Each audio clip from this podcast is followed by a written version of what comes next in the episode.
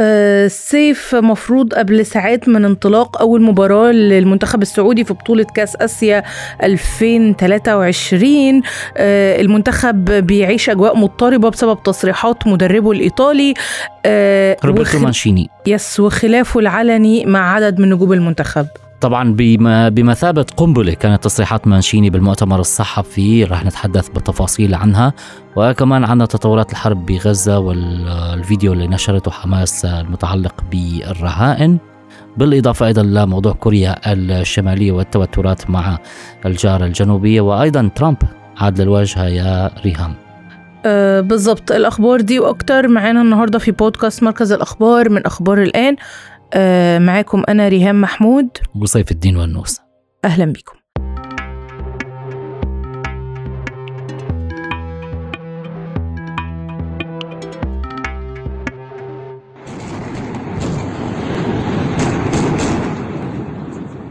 في أول أخبارنا الجيش الإسرائيلي قال إن قواته قتلت عشرات المسلحين الفلسطينيين آه، في بلدة بيت لاهيا في شمال قطاع غزة وعثرت على نحو 100 منصة لإطلاق الصواريخ. هذا أحدث بيان للجيش الإسرائيلي حول العمليات العسكرية رهام اللي عم يسويها في قطاع غزة واللي بتستهدف طبعا تدمير القدرات العسكرية لحركة حماس اللي بتحكم القطاع. وأيضا كان عندنا حصيلة جديدة لأعداد القتلى الفلسطينيين منذ بدء الحرب في 7 أكتوبر من العام الماضي. وكمان وزير الدفاع الإسرائيلي يواف جالانت كان قال إن الفلسطينيين هيتولوا حكم قطاع غزة بعد انتهاء الحرب آه، بينهم وبين حماس وقال جالانت في مؤتمر صحفي إن الفلسطينيين في غزة عايشين وبالتالي هيحكمها الفلسطينيين في المستقبل ويجب أن تنبثق حكومة غزة المستقبلية من قطاع غزة. وأضاف برضو خلال المؤتمر أن في نهاية الحرب مش هيكون هناك تهديد عسكري آه، جاي لإسرائيل من غزة لأنهم هيبقوا ضامنين أن حماس مش هيبقى عندها قدرة على الحكم والعمل كقوة عسكرية في القطاع. طبعا هالتصريحات ريهام عم تجي بوقت آه، عم يكتر فيه الحديث عن تهجير الفلسطينيين من قطاع غزة وعن إنه ممكن يكون في إدارة دولية للقطاع وهذا الشيء آه، شفناه وسمعناه من كثير من المسؤولين الإسرائيليين خصوصي باليمين المتطرف. هذا الشيء آه، يعني كان لازم توضيح من وزير الدفاع الإسرائيلي بخصوص هي التصريحات. وتأكيد على أنه القطاع لازم يكون بإدارة فلسطينية مثل ما قلتي لكن من دون ما يكون في أي وجود لحماس. وهذا الشيء بيعتبره بعض المراقبين إنه أمر آه، قد يكون صعب جدا. إن مصير العديد من أسرى ومحتجزي العدو بات خلال الأسابيع الأخيرة مجهولا. أما الباقون فهم جميعا دخلوا نفق المجهول. وبرضو إحنا لسه في قطاع غزة والحرب مع إسرائيل وكانت كتائب القسام الجناح العسكري لحركة حماس أعلنت في مقطع فيديو آه، نشرته مؤخرا إن اتنين من الرهائن الإسرائيليين عندها آه، اللي هي بتحتجزهم من يوم 7 آه، أكتوبر اتقتلوا في قصف إسرائيلي على القطاع. وأظهروا في الفيديو بتاعهم آه، سيدة هي رهينة اتحدثت عن عن إن راجلين كانوا محتجزين معاها واتقتلوا.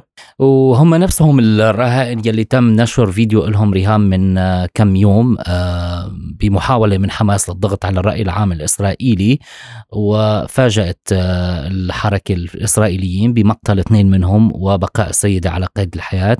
طبعا كان في تنديدا من الجيش الإسرائيلي بهذا الفيديو الاستغلال الوحشي للرهائن الأبرياء بحسب آه، ما أجى به تصريح للمتحدث باسم الجيش الإسرائيلي دانيال هاجاري.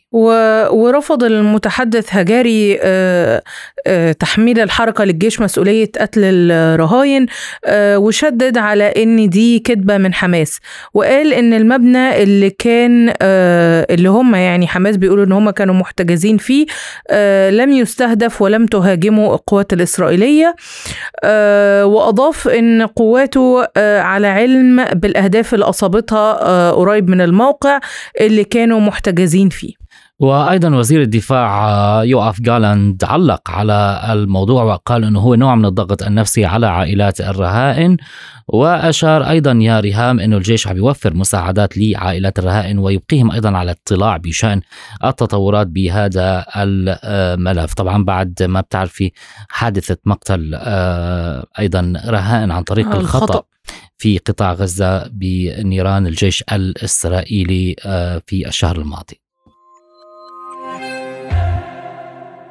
The big night is going to be in November when we take back our country and truly we do make our country great again. ومن غزة لأمريكا اللي فاز فيها الرئيس السابق دونالد ترامب بالانتخابات التمهيدية للحزب الجمهوري في ولاية آيوا بحسب التقديرات اللي أظهرتها وسائل إعلام أمريكية آه، ومفروض أن النتيجة دي هترسخ موقعه في صدارة السباق الجمهوري للانتخابات الرئاسية للبيت الأبيض المقررة في نوفمبر القادم بكل تأكيد عودة قوية لدونالد ترامب مع بداية السباق الرئاسي مثل ما بتعرفي بالولايات المتحدة ببلشوا باختيار المرشح الحزب الذي سيخوض المعركة النهائية. طبعا كان متوقع رهان فوز دونالد ترامب على نيكي هيلي وأيضا آه، على آه، دي سانتيس دي طبعا حاكم ولاية فلوريدا.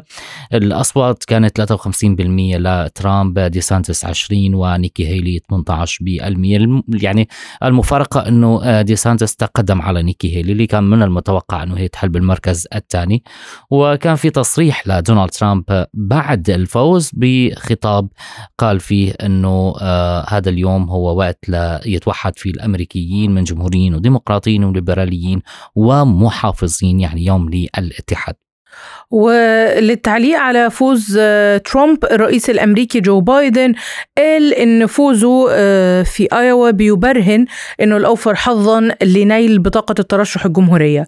وللمرة الأولى منذ خسارته معركته الانتخابية للفوز بولاية رئاسية تانية متتالية آه، في عام 2020 هيواجه الرئيس السابق الناخبين في الوقت اللي بتتم محاكمته في أربع قضايا جنائية آه، ما بين الحصول على وثائق سرية ومحاولة قلب نتائج الانتخابات السابقة اللي خسرها أمام الديمقراطي والرئيس الحالي جو بايدن. وهذا الشيء طبعا آه، يعني بيأثر على سباق الرئاسة في الولايات المتحدة خصوصي مثل ما تعرفي عم ننتظر قرار المحكمة في أمريكا اللي ممكن آه، من خلاله يقلب الموازين. يقلب الموازين فيما يتعلق بترشح دونالد ترامب.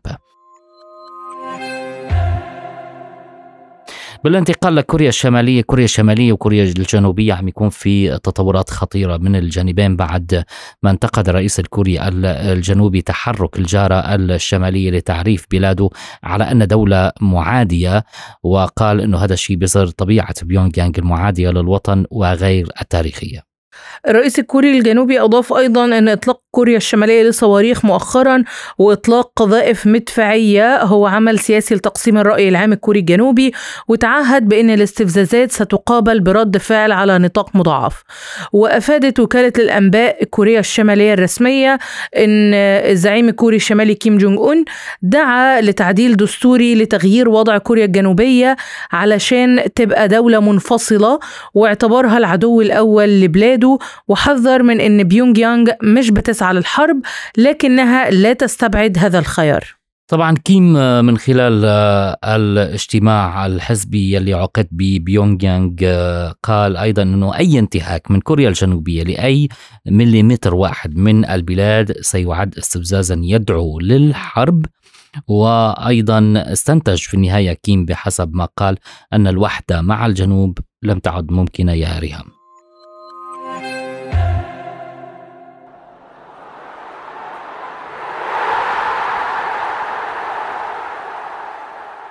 وننتقل بقى لآخر أخبارنا في البودكاست وهو آه، خبر الرياضة عن المنتخب السعودي. اللي زي ما قلنا آه، من شوية إن بيعيش أزمة بعد تصريحات مدربه الإيطالي روبرتو مانشيني. البداية كانت بقرار غريب باستبعاد عدد من نجوم المنتخب من التشكيلة وهم نجم دفاع النصر سلطان الغنام وحارس المرمى الرئيسي نواف العقيدي وقائد المنتخب ونادي الهلال سلمان الفرج. المدرب الإيطالي خرج بتصريحات صادمة يوم أمس بالمؤتمر الصحفي وكشف فيها عن سبب إبعاد الثلاثي. وأكد خلال المؤتمر إن سبب إبعاد الثلاثي ان إن اللاعبين لم يريدوا الانضمام للمنتخب السعودي.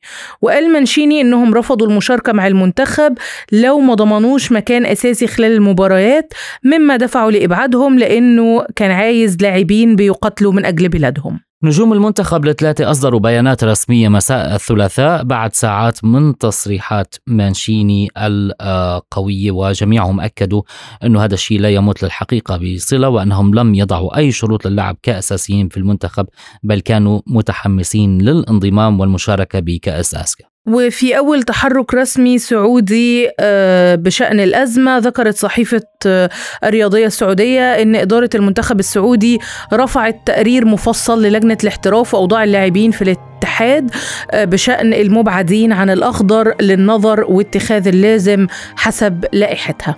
طبعا هذا الشيء بيجي قبل مباراة عمان المهمة اليوم وهي بداية الأخضر السعودي في كأس آسيا.